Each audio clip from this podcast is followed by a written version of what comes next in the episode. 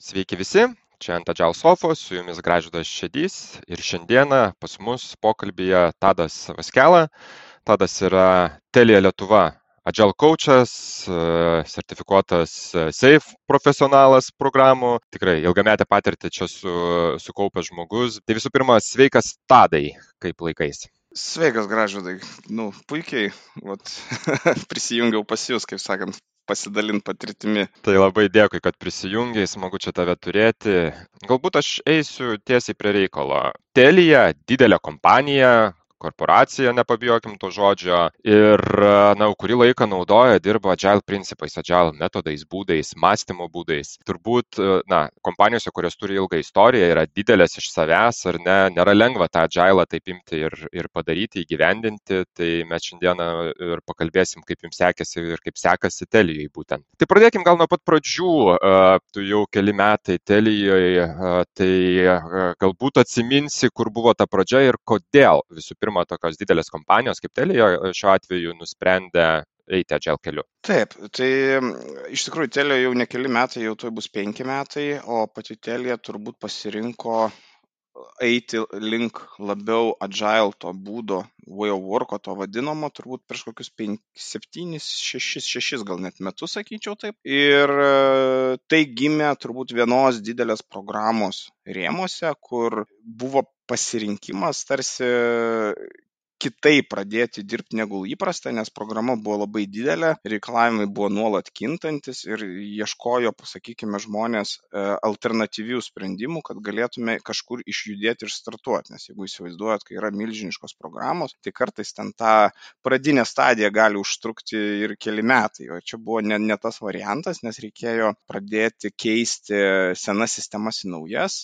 Kaip pats minėjai, Telė yra susijungusi iš keletos kompanijų, tai ten buvo tas pats telekomas, omnitelis, tai ten yra BDC, duomenų, sprendų, duomenų centrų sprendimai, tai yra labai daug ir platus tas spektras. Tai atitinkamai įsivaizduoju, kiekviena tokia organizacija, kuri yra tikrai pakankamai seniai gyvuojanti Lietuvoje, su savim atsineša visą krūvą sistemų. Tame tarpe ir klientinius duomenys skirtingose sistemose, apmokestinimo skirtingus būdus ir, ir daugybė įvairių sistemų, kur net kartais patys žmonės nebežino, iš kur jos čia atsiradusios ir kaip seniai jos gyvena. Ir visą tai reikia užkeisti, tai Telė kaip pasirinko a, tos sapinius sprendimus sapos tekus ir, ir buvo ta pirmoji ta tokia, taip sakau, transformacijos programa, kuri pradėjo taikyti tos adžailinius principus, tai va ir buvo ta e, senų sistemų ir klientų fiksuotų paslaugų klientų migravimas į jau naujų SAPO steką ir ten jau buvo daryta nuo pat pradžių, stengiamės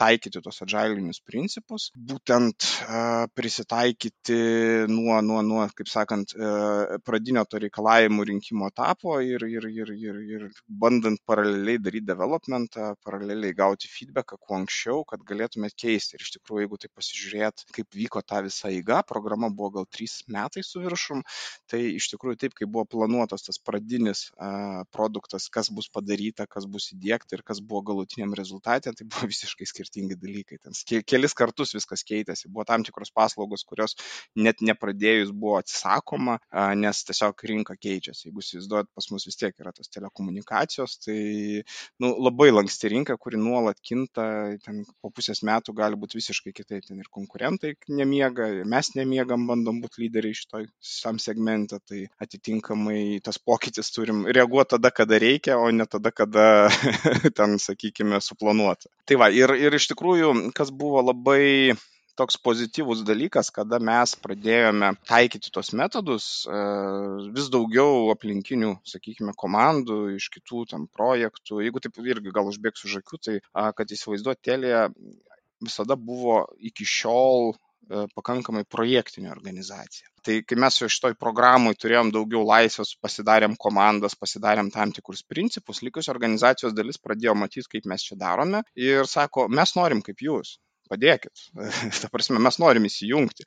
Sako, va čia girdėjau, turit traukinį, ar galime mes važiuoti su jumis tame traukinyje. Tai, Tai iš tikrųjų tai ir buvo tokia pozityvi pradžia, nes, nu, turbūt kaip ir kiekvieno organizacijų, tai yra natūralu, kad ne visi ir ne visada visko nori, bet kai žmonės pradeda ieškoti, kaip tą komandą susistatyti, kaip, kaip uh, dirbbiškai efektyviau, kad pereiti nuo tų įprastinių modelių, plus kai yra geras veikiantis pavyzdys, tai, nu, natūraliai ir ta transformacija vyksta daug greičiau ir taip, uh, kaip sakau, metai iš metų vis, vis, vis labiau skėlinomės ir, ir e, išplitome per visą telę Lietuvą, paskui jau ir per visą grupę, nes jeigu taip, kad irgi, kad kaip pats paminėjai, telė yra pakankamai korporacija, pakankamai nemažo dydžio, tai yra apie 20 tūkstančių darbuotojų per septynės šalis, tai mes, kaip sakant, nesam patys mažiausi, ten vėlgi kiekviena šalis turi savo niuansų, bet kuris laikas tengiamės, kad vis, visos šalis dirbtų bent jau tais pačiais principais, organizuotų panašiai darbus ir, ir, ir turime netgi užsikūrę tokią vidinę iniciatyvą, kuri užtikrina, kad visa įmonė keičia savo tą way of work ir einame prie tam tikrų tikslų, kurie yra išsikelti ir alaininami.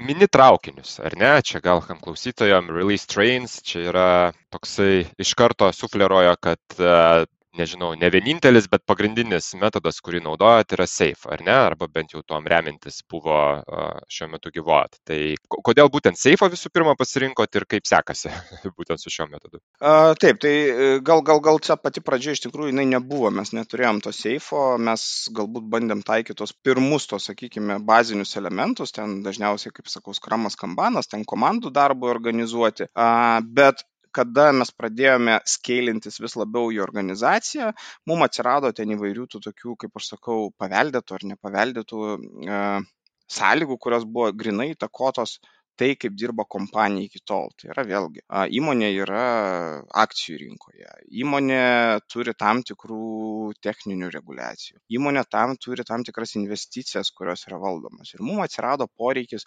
šalia to va, tradicinio, kaip pasakau, atžailo, kas liečia komandas, pradėti ieškoti kažko platesnio, kas, kas, kas apimtų nuo portfelio valdymo, sprendimų valdymo, tos vadinamas solutiono valdymai, architektūros tarp šalių, šalyje ir tada, nu, jūs įsivaizduojat, kiek tai įsijungia papildomų žmonių ir, ir tau reikia susistatyti tam tikras taisyklės, kurios sprendimus tu gali skeilinti, kurios tu gali palikti komandai, kur tu turi galbūt atiduot kažkam priimtos sprendimus pagal tam tikras kompetencijas, kas, nes, nu, turi būti, kaip sakau, strateginė kryptis viena, o tada jau visos kitos šalis ir, ir, ir ne tik šalis komandos turi, turi prie to prisiderinti ir, ir, ir, ir tada ieškoti kaip, kaip tų bendrų sąlyčio taškų. Tai taip, mes e, kažkurio momentu tiesiog pamatėm, kad e, seifas labiausiai turbūt atitinka mūsų, mūsų priemonės, e, mūsų tuos tikslus. E, tai turbūt viena iš tų priežasčių, kad e, pakankamai didelis tas knowledge base seifo. Tai reiškia, tas pilnas paketas, kiek yra įvairių mokymų, kiek yra medžiagos, kur tiesiog galima pasižiūrėti, lygiai taip pat yra labai daug tų tokių patvirtinusių sėkmės istorijų, kaip ten viena ar kita kompanija panašaus segmento jau pradėjus taikyti seifą, kokius iššūkius jie praėjo ir e, viena priežasčių. E, kita dar irgi tokia pakankamai svari priežastis buvo, kodėl seifas, tai yra, kad Telija Suomija jau buvo kurį laiką, porą metų taikiusi tos elementus ir mes tiesiog buvom nuvažiavę pas juos pasižiūrėti, kaip jie ten organizuoja vieną kitą dalyką. Labai patiko tas principas, kaip organizuojamas tas e, PIAJus, tas program inkrementas, tai yra tas dar kitose metodologijose tai tas big room planningu vadinama. Tai buvo turbūt vienas iš tų elementų, kuriems nusprendėm, kad mums yra reikalingas ir, ir tiesiog grįžus pradėjom taikyti pas save ir aš manau, kad pakankamai pasiteisino įvairiais aspektais. Tai tiek, tiek, tiek grįžtamasis ryšys iš įvairių susijusių, sakykime, tų vadinamų stakeholderių buvo labai teigiamas, tiek iš pačių komandų. Nes vėlgi, kaip aš minėjau tam pačioj pradžioje, turbūt, kad pas mus Telijoje yra nu, pakankamai zoologijos sodas įvairių sistemų. Turime visą legacy steką, turime dabar jau targetą, kur sakau, sapas besivystantis. Nu ir dažniausiai taip jau nutinka, kad e, tai nėra, kai ten viena programavimo kalba ir skirtingos komandos tą pačią kalbą susišneka, tai yra daugybė kalbų, daugybė elementų, kurios kažkur integruojasi ir jas visas reikia sužiūrėti. Tai va čia tas būtent e, visas frameworkas mus ir įgalino, nes yra tiesiog kalba apie tuos visus quality gate'us ir kitus dalykus, kur, kur, kur tos komandos ateina, susitarė ir, ir, ir, ir priema kažkokius bendrus sprendimus arba nepriema ir, ir juda toliau. Bent jau kiek mano patirtį, tai seifas, va, didelėse kompanijose dažniausiai seifas kažkaip tai labiausiai ir prigyja. Jis turbūt toksai suderintas, tas aukšto lygio, e, klasikinis, e, galima netgi tai pavadinti, ten va, portfelių, investicijų valdymas, sprendimų prieimimas e, ir ir kasdienis darbas, ir kasdieniai sprendimai komandose. Taip pat tokį balansą išlaiko šitas metodas, bent jau mano patirtį. Kokie iššūkiai? Mini, kad pats jau penki metai, ar ne? Mhm. Kokie visgi buvo tie iššūkiai auginant nuo tų skramo komandose iki vat seifo ir viso e, jau, kaip sakant, užkretimo kompanijos dirbti šito būdu. Jo, tai gal galima tokių net keletą paminėti pagrindinių, kaip, kaip, kaip sakant, kai pradedi skailintis ir dalis organizacijos dirba taip, dalis kitaip, tai išauga ir tų tokių, kaip sakau, pakankamai įdomių iššūkių, kurias reikia suvaldyti. Tarkim, pavyzdžiui, kad kartais pastebi, kad yra vienu metu daroma smarkiai per daug veiklų, tai yra pradedame gerokai daugiau, negu sugebame pabaigti. Tai reiškia, ten kur nors koks nors projektas startavo, nepasibaigė, būna kaip startuoja, net neaišku, koks yra galutinis produktas, ten tada reikia kažką staigiai kitą daryti, tada jau du paraleliai, trys paraleliai ir ten daugiau jų važiuoja. Reiškia, nu nebuvo to tokio aiškaus įsivaizdavimo, kiekgi mes realiai per tam tikrą laiko tarpą galime padaryti kaip, kaip kompanija, kaip kažkokios kelios komandos ar, ar, ar, ar viena komandos ribose. Tai yra tiesiog viskas būdavo in progress ir sunkiai, sunkiai pasibaigdavo. Tada irgi dar kas tokį iš pastebėjimų galiu pasakyti, kad tikrai kas buvo iš ryškių dalykų, kad nebuvo vieningo aiškaus to vadinamo roadmapo ar, ar, ar strategijos, kad, kad, prasme, ir gali, netgi kas dar blogiau, kartais būdavo keletą strategijų, keletą tų roadmapų ir jie nebūtinai sutapdavo ir kalbėdavo apie tą patį. Tai iš tokių galima kaip labai gerą pavyzdį, kai yra tam tikras verslo funkcionalumas, kuris jisai nori, tam tikras produktas ir ateina kardinaliai vienas kitam prieštaraujantis reikalavimai tam pačiam produktui iš skir, skir, skirtingų verslo segmentų. Pavyzdžiui, tai reiškia, kad nu, neturim susitarimo ir įsivaizdavimo, kaip tas produktas turi būti vystomas, o jau gaminkit šitą, tada ateina gaminkit šitą, bet kitaip. Ir tada tu pradedi galvoti, nu, ne, nebeišeis taip, turime ieškoti tokio susitarimo. Tai čia tas geras irgi pavyzdys, kad, kad, kad turi būti tas bendras susitarimas. Tada vėlgi, kaip aš minėjau pradžioj, tai turbūt, kad nebuvo to vieningo way of worko, ta prasme, kad nebuvo to susitarimo, kaip mes dirbame, tai yra skirtingi toolsai, ten kaip įsivaizduoji, turbūt, jeigu kalbant apie pačius toolsus, tai ten viena komanda savo darbam naudoja kokį nors Excelį, kita komanda ten naudoja, tuo metu dar atsimenu Redmine, tada kiti naudoja Jira, kiti naudoja ten dar ką nors. Ir tada, kai supranti, komandos tai yra komponentinės, vieni žino ten kokią nors vieną sistemą, kiti kitą, ją developina ir jie kartu tai turi integruotis. Kaip sužiūrėti visus tos dalykus, ta prasme. Arba kitas irgi toks labai išreikštas pavyzdys, kada mes pasidarėm ten planavimą, nežinau, startavom pirmą traukinį, turim ten šešias komandas, tai yra susijusios šešios komandos, kurios gali turbūt kaip virtuali organizacija padaryti kažkokį antendinį produktą ir staiga mums reikia kažkokios integracijos su kokia nors, nežinau, backendiniu paslaugų valdymu, kuris yra custom, komand, custom programavimo kalba suprogramuotas kažkoks aplikacijos. Ir sako, oi ne, tai jo, jums reikia, bet mes čia dabar biškai kitą projektą darom, ateikit už pusmečio, žinai, ir mesgi laukti irgi turbūt negalim. Tai reiškia, kad nu, nevyksta vėlgi skirtingai prioritizavimai visi ir kiekviena komanda galbūt turėjo savo netgi prioritetus ir tai vėlgi gali skirtis. Būtent vat, kalbant apie tos prioritetus, tai turbūt yra, kad nebuvo to aiškaus kriterijo, kas yra tas mūsų prioritetas, pagal ką jis yra nustatomas. Nes atrodo, kad kartais, nesakau, kad būtinai taip ir buvo, bet kartais taip atrodė, kad kurie prioritetai yra tiesiog daromi per pažintis arba, arba nebūtinai jie atitinkantis verslo laukiamos naudos. Tiesiog turėjom tokių įdomių pavyzdžių, kai daromas dalykas, kuris atrodo yra legacy sistema, kuri planuojama būtų uždaryta, bet jinai vystoma, o tas yra target sistema laukia, kol ana bus pabaigta, nes kažkas kažkur kažką paderino, žinai. Tai, tai vienas dalykas, kaip visą tą reikėjo šalinti tai ir, ir, ir, ir, ir pradėti suvaldyti, tai uh, būtent su tos e, seifo kaip priemonė, būtent tuo agiliniais principais atsirado daugiau to vadinamo matomumo, to vadinamo transparency, kada pradėjo lysti, mes susiplanuojam kažkokį tai savo tą ketvirtį, ten šešis printus į priekį, tas vadinamas PI planavimas, yra tam tikri darbai, kurie suplanuoti ir žiūri, kas stovi. Tada pradedi eiti per komandas, pradedi žiūrėti, kas tenais vyksta ir tu randi, kad nu, pusę darbų tu nematai. Planavime pusę darbų nebuvo. Reiškia, yra šešėliniai, atėjo koks nors vadovas kažką pasakė, atėjo koks nors inžinierius kažko paprašė ir tada šalia tų darbų atsiranda tie ir jie vėlgi jau yra nebebūtinai tie darbai, kurie buvo planuoti, kurių verslas laukia. Tai reiškia, reikėjo padaryti tą visą matomumą, kad mes jau galėtume kovoti, kaip aš sakau, su šešėliu. Aš nesakau, kad tų darbų nereikia, kur aš šešėlis, bet tuos šešėlinius darbus reikia padėti bendrą eilę su tais kitais darbais, kurie yra daromi ir planuojami ir pasakyti, kuris vis dėlto iš jų yra svarbesnis, nes galbūt mes vieną paspėsim pabaigti, kito ne. Tas visas buvo pakankamai, pakankamai uh, challenging gal pasakytas dalykas, kai reikėjo iš tikrųjų nemažai pavargti su tuo. Na nu, ir dar, dar, dar turbūt iš tų tokių irgi žinomesnių iššūkių, su ko labai daug susidurdavom, tai yra, kad nu, pats planavimas buvo daromas būtent pagal effort, o ne pagal capacity. Tai reiškia, kai žinai, kai sakau, tas klasikinis, e, kur e, klešina agilo pasaulį su projektų valdymu, kai sako, žinai, 40 e, valandų arba tenais, nežinau, 5 dienos, žinai, ir visi įsivaizduoja, kad 5 dienos, tai reiškia, va, pirmadienį pradėjom, penktadienį pabaigėm. Tai yra viskas savaitė, žinau, o, o kad ten toj dienoje yra krūva visokių kitokių susitikimų, ten gal kažkoks dar, dar, dar kažkas, dar kažkas įsimaišo, tai reikia, sakau, labai atsargiai tą komunikuoti dalyką. Tai, tai visą laiką reikia įsivertinti ne tik effortą, bet ir capacity. Ir kas vėlgi buvo toks pakankamai įprotis telė, kai, žinai, yra skirtingi projektai, skirtingos programos, kurie planuojasi kažką tai kažkur tai ir sugebėdavo kartais net keli projektai tą patį žmogų savo šimtų procentų įsiplanuoti ir paskui reikia pradėti daryti, o jie tai paraleliai visi eina.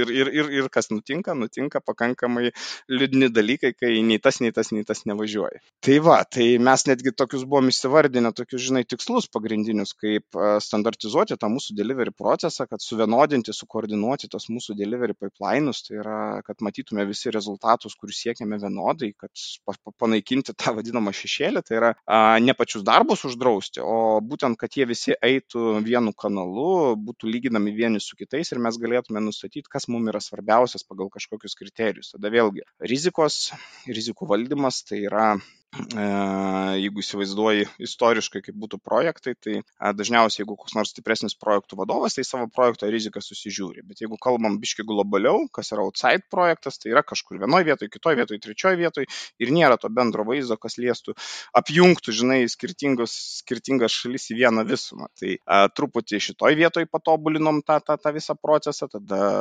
galų gale padarėm šiokį tokį visibility, kaip, kaip atrodo tas mūsų visas priklausomybių, dependencijų kompetencijų valdymas, kas automatiškai iš karto labai gerai pradėjo rodyti, kur yra mūsų tie vadinami butelio kakliukai. Nu, įsivaizduoju, ten pavyzdžiui, turime kažkokią tai seną sistemą, kurios neplanuojam vystyti, bet jos reikia visiems ir jeigu kažkas daro pakeitimą, reikia ten atnaujinti pagal tam tikrus, nežinau, saugumo reikalavimus, pagal tą patį GDPR ten ir panašiai, tai automatiškai tenais jau kažkur susidaro, bet kada tu pradedi matyti, į kokias komandas koks demandas ateina, tai automatiškai tau lengvina į priekį forecastinti, kur tu galimai turėsi tuos kakliukus ir galvoti ieškoti sprendimų. Tada vėlgi kas turbūt irgi buvo pakankamai svarbu tai reiškias kai mes startavome ypač tą vat jau kalbu ne apie skeilą apie komandos lygius žinai kai reikėjo įsivardinti rolės, nes tu įsivaizduok, kai startuojam, nu, ne viena korporacija turbūt nepasakys, dabar prisamdykime 30 žmonių, į kiekvieną komandą nusamdykime naują produkt ownerį, naują skramasterį ir viskas bus gerai. Kiek tai kainuos? Aha, o jau tikrai atsipirks. Nu, ir visą laiką visi klausia korporacijos, kokia yra tas returnas investmentas, investicijos, kada ir kur tai tą naudą aš pajausiu. Tai reiškia, mes turėjome tam tikrose vietose suktis iš situacijos, tai reiškia, buvo tų žmonių norinčių tai drivinti, tai bandėm užkabinti, kad vat, kažkas kažkas gali pabūti skramasteriu, kažkas gali pabūti produktauneriu, kažkur važiuoja, kažkur nevažiuoja, tada natūraliai atsiranda samdai jau žmonės labiau su atitinkama patirtim ir, ir, ir, ir nu, vat, reikėjo labai daug išlaviruoti toj pozicijoje, nes nu, nu, tikrai nebūna taip, kad jeigu tu turi 30 komandų, tai gavat paims ir nusamdysi 30 skramasterių. Nu, nu, nebūna taip, tiesiog realybėje taip nebūna. Ir, nu, bandėme suktis, ieškom tų sprendimų, da, ieškom, kas galėtų padaryti vidinius mokymus, kad mes pradėtume taikyti vieną ar kitą elementą ir, nu, vis, vis labiau eiti prie to tikslo, kurį mes savo išsikėlėme. Tai turbūt tai ir buvo tas toksai vienas, kaip sakau, lūžio taškas, kas labai smarkiai įtakojo ir, kaip sakau, buvo iš tų tikslų sumažinti dar ir komandų tą vadinamą triukšmą. Tai reiškia, kad jeigu žmogus yra pakankamai daug žinių turintis ir seniai dirbantis kompanijoje, tai jis dažniausiai tampa tas, kaip sakau, gali pažiūrėti šitą, gali atsakyti tą, gali pažiūrėti tą. Ir, ir tikrai turėjom tokių pavyzdžių, kai tas pats žmogus suplanuoti darbai savaitę, bet jis jų net nedaina, nes sėdi kažkokiuose mytuose. Ten kiekvieną kiekvienas projektų vadovas turi savo mytą, kiekvienas ten dar kas nors turi savo mytą ir tų mytų buvo galybės, o dirbti kada pakankamai nedaug. Dar visi pažįsta, dar visi pažįsta, tai kažko prireikia, žinau, kam skambinti ir ne, padėk čia greitai, padaryk tą ir tą patikėk, buvo kaip juokinga, nes aš kai startavau komand, kompaniją, aš atėjau kaip skramasteris į vieną iš komandų ir mes dar ten, atsimenu, Lvovo gatvėje fiziškai sėdėjom Ir, ir aš atsimenu, jokaudavo paskui vadovė, kai sako, Tadas išeina, atbėga pas jo žmonės, kažkas kažko paklaus, nes jau Tadas neleidžia šiaip savo vaikščios, žinai. Nes tiesiog būdavo toks, tokių labai elementarių situacijų, kai praeina dvi savaitės, darom kažkokią retrospektyvą, kas irgi buvo žmonėm neįprasta ir, ir, ir kalbamės apie tuos tokius paprastus dalykus. Ir, nu, iškeliu, va, va, mūsų tikslai, kuriuos mes buvom susiplanavę pasiekti per tas dvi savaitės, va čia mūsų kažkokie tie objektyvai, a, padarėm pusę, kodėl nepadarėm. Nu ir tada pradedam traukti, žinai. Nes aš laik sakydavau, jeigu pas tavę ateina žmogus su requestu, tai nu, padarom eksperimentą. Šią savaitę tu užsirašyk, koks žmogus ir kiek laiko tu jam išleidai, kad pasižiūrėtum kažkokį paprastą ar nepaprastą requestą. Nu ir pasirodo, kad 40 procentų komandos laiko išeidavo va tokiem random requestam. Nes, nu, tam žmogui gal ir atrodo nieko, aš atėjau, nu čia maksimum valandą dvi, bet tokių žmonių ateina dešimt. o tas žmogus įdirbantis tai vienas. Ir supranti, tas ir gaudavosi, kad, kad, kad tą reikėjo tikrai labai smarkiai sumažinti komandos triukšmą. Vėlgi, turbūt ne visais atvejais įmanoma, nes kartais būna, kad tas vienas žmogus vienintelis toj kompanijai žino tuos dalykus. Tai, nu, bet tada galbūt jo rolė yra neteisinga, gal tada ieškom kito programuotojo, įdarom, kad jis kitus suportintų. Nu ir su tuo tiesiog reikėjo dirbti.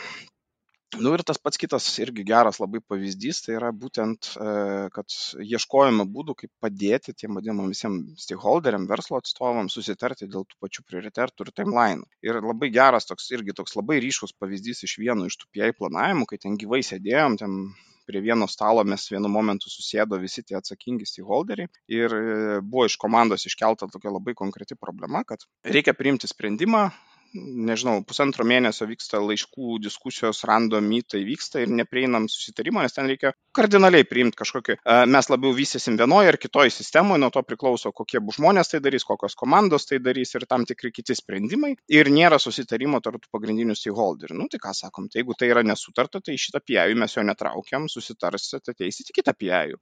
Ir suprantate, sėdi va trys verslo atstovai ir jie sako, va girdėjot, ką sakė, turėsim laukti, nežinau, kito ketvirčio, kol galėsim išjudėti padėti. Ir tai, ko jie negalėjo padaryti, susitarti per pusantro mėnesio, buvo priimtas per pusę valandos turbūt priimtas sprendimas ir komandos tiesiog galėjo susiplanuoti tuos darbus ir pradėti, pradėti vystyti tas sistemas ir, ir, ir, ir, ir kurti tą funkcionalumą. Bet tai va tiesiog paprastas dalykas, kad kartais tiesiog reikia surinkti teisingus žmonės, kurie gali priimti sprendimus, nu, susodinti juos, kaip sakau, prie vieno stalo ir kartais padėti susitarti ir tada viskas ten pakankamai gerai išvažiuoja, o laiškais kartais tai užtrunka labai ilgai.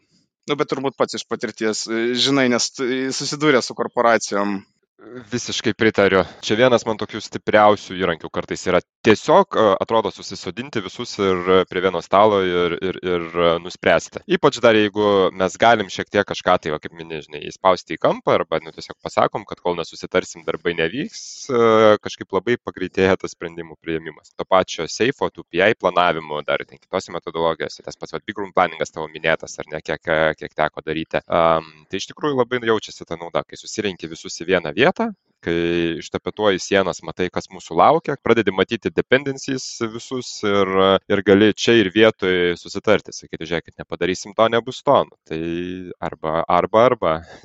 čia, čia gal tokį irgi vieną momentą akcentą noriu uždėti, kad vis dėlto, nu, tiek agilas, tiek seifas, tai yra tiek tai viena iš priemonių pasiekti norimui rezultatui. Tai jokiais būdais nėra tikslas, nes Taip. tų frameworkų yra daug, e, jų interpretacijų, taikymų irgi yra labai daug, o nu, įmonės yra tam tikras tikslas susitvarkyti tam tikrus procesus, pagaminti kažkokį funkcionalumą ir uždirbti galų gale pelną, kad galėtų išlaikyti tiek darbuotojus, tiek teikti paslaugas. Tai agilas tas seifas mūsų atveju yra tik viena iš priemonių, kuri mums tikrai pasiteisino, nes, nu, kaip jau paminėjau, tos dalykus turbūt prieš tai, bet, bet būtent, kad tai yra ne kažkoks tikslas, e, o tai yra būtent e, priemonė. Visiškai pritariu, aš jeigu kas kreipiasi, tikrai iš, iš kompanijų, iš klientų visada tą labai irgi pabrėžiu, kad adžilas negali būti tikslas, kad, na, tiesiog darom adžilą, nes norim būti adžilą, ar ne, nu, ne tai yra esmė, esmė yra kažką tai pakeisti. Jo, tai yra tiesiog pakeitimas, kaip mes organizuosime tuos darbus, pakeitimas, kaip mes e, galbūt e, planuosimės, kaip mes komandą sustatysime ir, ir, ir bandant į tai atsižvelgti. Tavęs beklausant, dar vienas toksai klausimas iškilo, ypač kalbant apie, na, nebūtinai nedidelės kompanijas, bet ilgą istoriją turinčias kompanijas. Aš manau, kad tie žmonės tokie, kai atsiranda raktiniai arba ilgai dirbantis kažkokie tai ar ne. Dėgiant Agile mano praktikoje daug tikrai pasijaučia to, nu, change managemento arba to pushbacko, ar ne, kad, nu, mes čia dirbam 10 metų taip, kodėl mes čia dabar norim uh, kažką keisti. Vat, kažkaip tai gyvojam, kažkaip tai veikia. uh, man pačiam, nu, aš susitvarkau čia, vat, kas pas mane ateina ir viskas gerai. Kam čia dar kažkokius tai išradinėti dviračius. Ar, ar susidūrėt, kaip sekėsi uh, su šitais dalykais, ką galbūt darėt? Iš tikrųjų susidūrėm ir labai daug. Ir kažkaip minėjau turbūt pradžioj, kad uh, vieni labai nori keistis, ateina, sako, join, ta prasme, norim važiuoti su jūsų traukiniais, pamokinkit, padarykit, o kitur būdavo ir tų pačių situacijų, kai ateini ir sakai, pabandom gal kažkaip pakeisti, bus geresnė kolaboracija, geresnis tas genčiaikas, mes labiau susitarsime, tas predictabilities pakils. Ir, ir sakydavo, ne, mes čia, kaip sakai, 20 metų dirbu, geriau žinau, ko reikia ir, ir, ir nėra. Bet a, tai, kaip sakau, tas pokytis jis nevyksta iš karto. Tai tiesiog tu identifikuoji tas komandas, departamentų žmonės, kurie yra, nu, sakykime, mažiau linkę keisti kažkos tos įpročius. E, ir aš tada labai rekomenduoju nesikoncentruoti juos, nes organizacija yra plati, didelė. Kada kritinė masė organizacijos pamato naudą, pamato įvairūs vadovai ir jie sako, tada patys ateina pas juos, sako, kodėl jūs nedarot kaip jie, pas juos yra tas, tas, ko jūs neturit ir tada jie patys ateina ir sako, nu, jau, jau turbūt dabar jau laikas, nes aš tikrai esu su keliais žmonėmis taip kalbėjęs, sako, tu tada, kai buvo atėjęs, mes greičiausiai dar nebuvom tam pasiruošę, bet dabar jau norėtume eiti prie to naujesnio būdo, nu, ką mums reiktų padaryti, kad mes būtume labiau atitinkantis tą procesą. Ką mums reiktų pakeisti, kad mes e, labiau pereitume prie va, šitų metodologinių dalykų, kad, kad, kad galėtume vieną kitą elementą taikyti. Ir tai nebūtinai reiškia, kad jiem viskas tiks, nes, nu, pats Agile, pats e, Scale Agile frameworkas, jis turi ten daug daug tų interpretacijų, daug variacijų. Ir tai, kas tinka visom development komandom, nebūtinai tiks networkui, nebūtinai tiks ten kokiam nors serverių instaliacijai, ten galbūt galima pritaikyti tam tikrus elementus, bet kur yra fiksuoti darbai, nutiesti kabelio metrą kainuoja tiek, plus tokios sąlygos ten pagal kažką ir to agile jiem gal visai nereikia, bet tam tikrus elementus galima pernaudoti ten nuo HR iki, nežinau, kabelių klojimo momentų. Ir tiesiog reikia prie kiekvieno departamento, prie kiekvienos komandos prieiti individualiai, pažiūrėti, kas jiems tinka, netinka ir susitarpti tuos bendrus handshake'inius taškus, kur mes galime nu, turėti tą bendrą way worką. Tai yra galų gale, kaip mes trekinam progresą, kas yra mūsų progresas. A, lygiai taip pat, jeigu kažką daro developmento komandos, jiems galbūt reikia, kad backendė serveriai būtų pastatyti laiku ir taip toliau. Tai reiškia, kur mes čia susitarsime, nes tikėtina tai yra kažkoks enableris developmento komandai, nes iš ne, ne, ne, ne konkrečiai telės, iš kitos kompanijos esu turėjęs labai gerą pavyzdį, kur nusamdė 50 žmonių, jie visi atėjo į darbą Danijoje ir pasirodo darbo vietos net neužsakytos jiems. Ta prasme, tai nu, atrodo smulkmena, bet vat, gali ir tokiais dalykais pasibaigti. Tai tas ieškojimas ir, ir, ir, ir bendrai. Kas mums iš tikrųjų teliui pakankamai padėjo, kad kada jau, kaip sakau, kritinė masė turbūt žmonių apsimokino, susipažino su seifu, mes tikrai labai daug su mano vadovė Vadiana Gold padarėme mokymų organizacijų įvairiem lygiam, ten įvairių tų seifinių mokymų, vienom ar kitom ten komandom, roliam, e, su, suvienodinom terminologijas, tai iš tikrųjų atsirado ir palaikymas iš to vadinamo managemento. Ir kada managementas dar ateina ir sako, va šitas mūsų seifas yra vėlai, kaip mes norėtume eiti, tai tada ir kiti pradeda daug lankščiau žiūrėti. Ir kada tu supranti, nu, lieki vienintelė komanda, kuri pagal tai nedirba, nu, tau irgi turbūt kažkaip nefengšui. Balta varna nenori niekas būti. Jo, bet, bet čia, žinai, čia, čia yra tas, tos dvi medalio pusės visą laiką, kaip ten sako, ten, žinai, koks nors, e, kaip korporacijos turi savo tas taisyklės, ten, kaip sakau, valandų loginimas, nes vėlgi, jeigu taip įsivaizduoti, jeigu ten kalbam apie kokį nors mažesnę kompaniją, ten gali būti, nežinau, kelios developerių komandos, jos visos yra lokaliai, to, to, to sėdinčios, bendraujančios, o kai kalbam apie korporaciją, tai tos komandos sudėtie gali būti žmogus iš Indijos, žmogus iš Latvijos, žmogus iš Ukrainos ir jie visi yra komanda. Ir tai gali būti nebūtinai telios darbuotojai, gali būti kažkokie kontraktoriai tie vidiniai, mhm. kurie yra tai komandai, nes nu, tam tikrų specialistų, ypač SAPO Europoje, tikrai nėra didelis perteklius ir, ir, ir reikia ieškoti jų. Ir nu, ne visada išeina nusamdyti tų vidinių telio žmonių ir yra nemažai telio tų pačių kontraktorių. Ten, pavyzdžiui, vienas mūsų traukinys vienu momentu turėjo apie 700 procentus išorinių žmonių. Tai reiškia, kad nu, tai yra kaip ir vendoriai, kurie dirba teliai, bet jie dirba tais pačiais principais, tom pačiom taisyklėmis ir tada atsiranda tas visas corporate dalykas, kur sakau, ten susilogint laiką ir, ir atrodo smulkmena, bet nu, ne visiems tai priimtina, bet prieini kažkokių bendrų susitarimų ir, Taip. Ir, ir, ir, ir tai padeda ir tos pačius kaštus suvaldyti.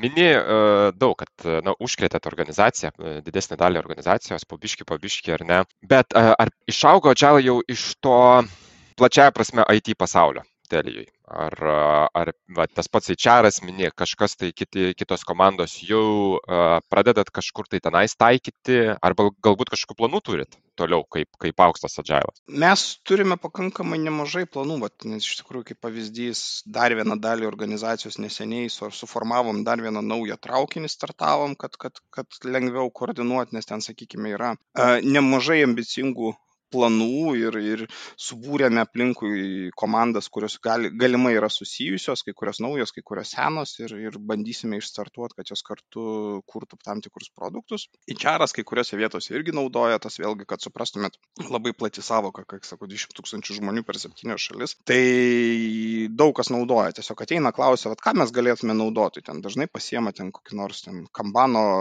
lentos principų savo darbų organizavimui, pasiema tos pačius kartais stand-upus, mhm. nors jie nieko bendro su developmentu neturi, bet pasidaro, tas, sakau, labiausiai turbūt tas vat, kambanas, stand-upai, kokie Taip. uh, retrospektyvos, tai yra nesvarbu, kad mes nedevelopinam, bet tie patys principai, su komanda pasidaryti ten kas kažkiek laiko retrospektyvos ir pasižiūrėti, kaip mes galime kitaip dirbti, kad biškiai efektyvesni būtume ateinančių laikotarpių, tikrai pasiteisina ir gaunam nemažai to gero feedbacko, netgi būna sako, norim biški kažką keis, gal gali ateiti pas mus pabūt facilitatorium nepriklausomu, nes, nu, vat, kažkas nevažiuoja. Gal, gal, gal, gal pastebės iš savo patirties kažkokių tų, kur mes, žinai, kaip sako, užsisukam, galvojam apie savo kampą, bet gal iš šono tau geriau matysis. Ir iš tikrųjų ten būna padarę, esam tokių tikrai nemažai workshopų, kur atrodo ir verslo tik tai komandos, ar ten dar kažkokios, kur surandam tų tokių improvementų taškų ir, ir paskui iš tikrųjų pagerėja tas collaborationas. Ten tiesiog, kaip, kaip pats sakė prieš tai, kartais užtenka užtenka žmonės susodinti,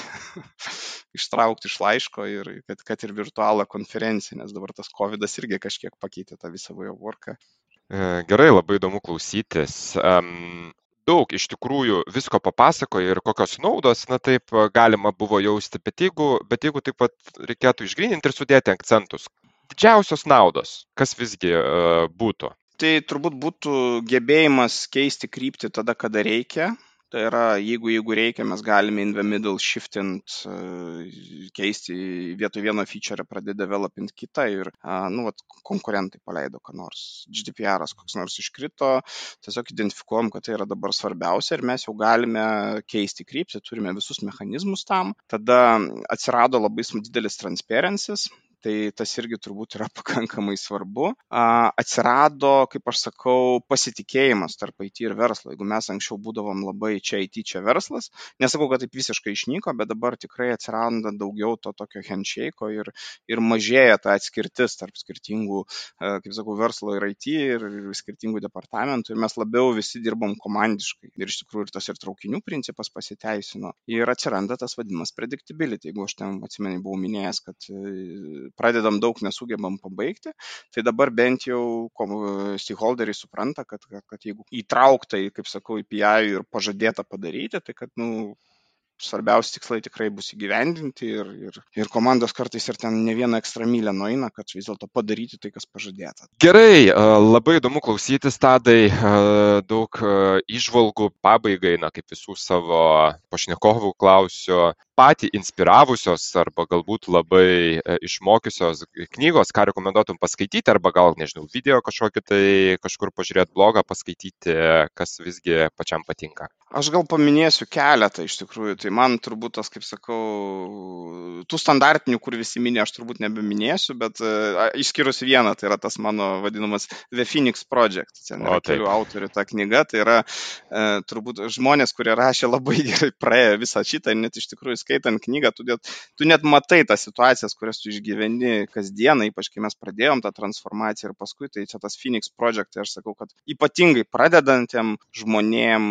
ypatingai ypatingai, kaip sakau, verslo atstovam, tie patiem IT, kad supras, kaip vienas kitas pasaulis sukasi ir tai yra kažkokia tokia bendra knyga, kuri turbūt tinka kas antrai korporacijai ir su kuo pakalbu, kas paskaito, paskui man rašo, sako, wow, ta prasme, aš ten randu ir save, ir savo komandą ir, ir taip toliau.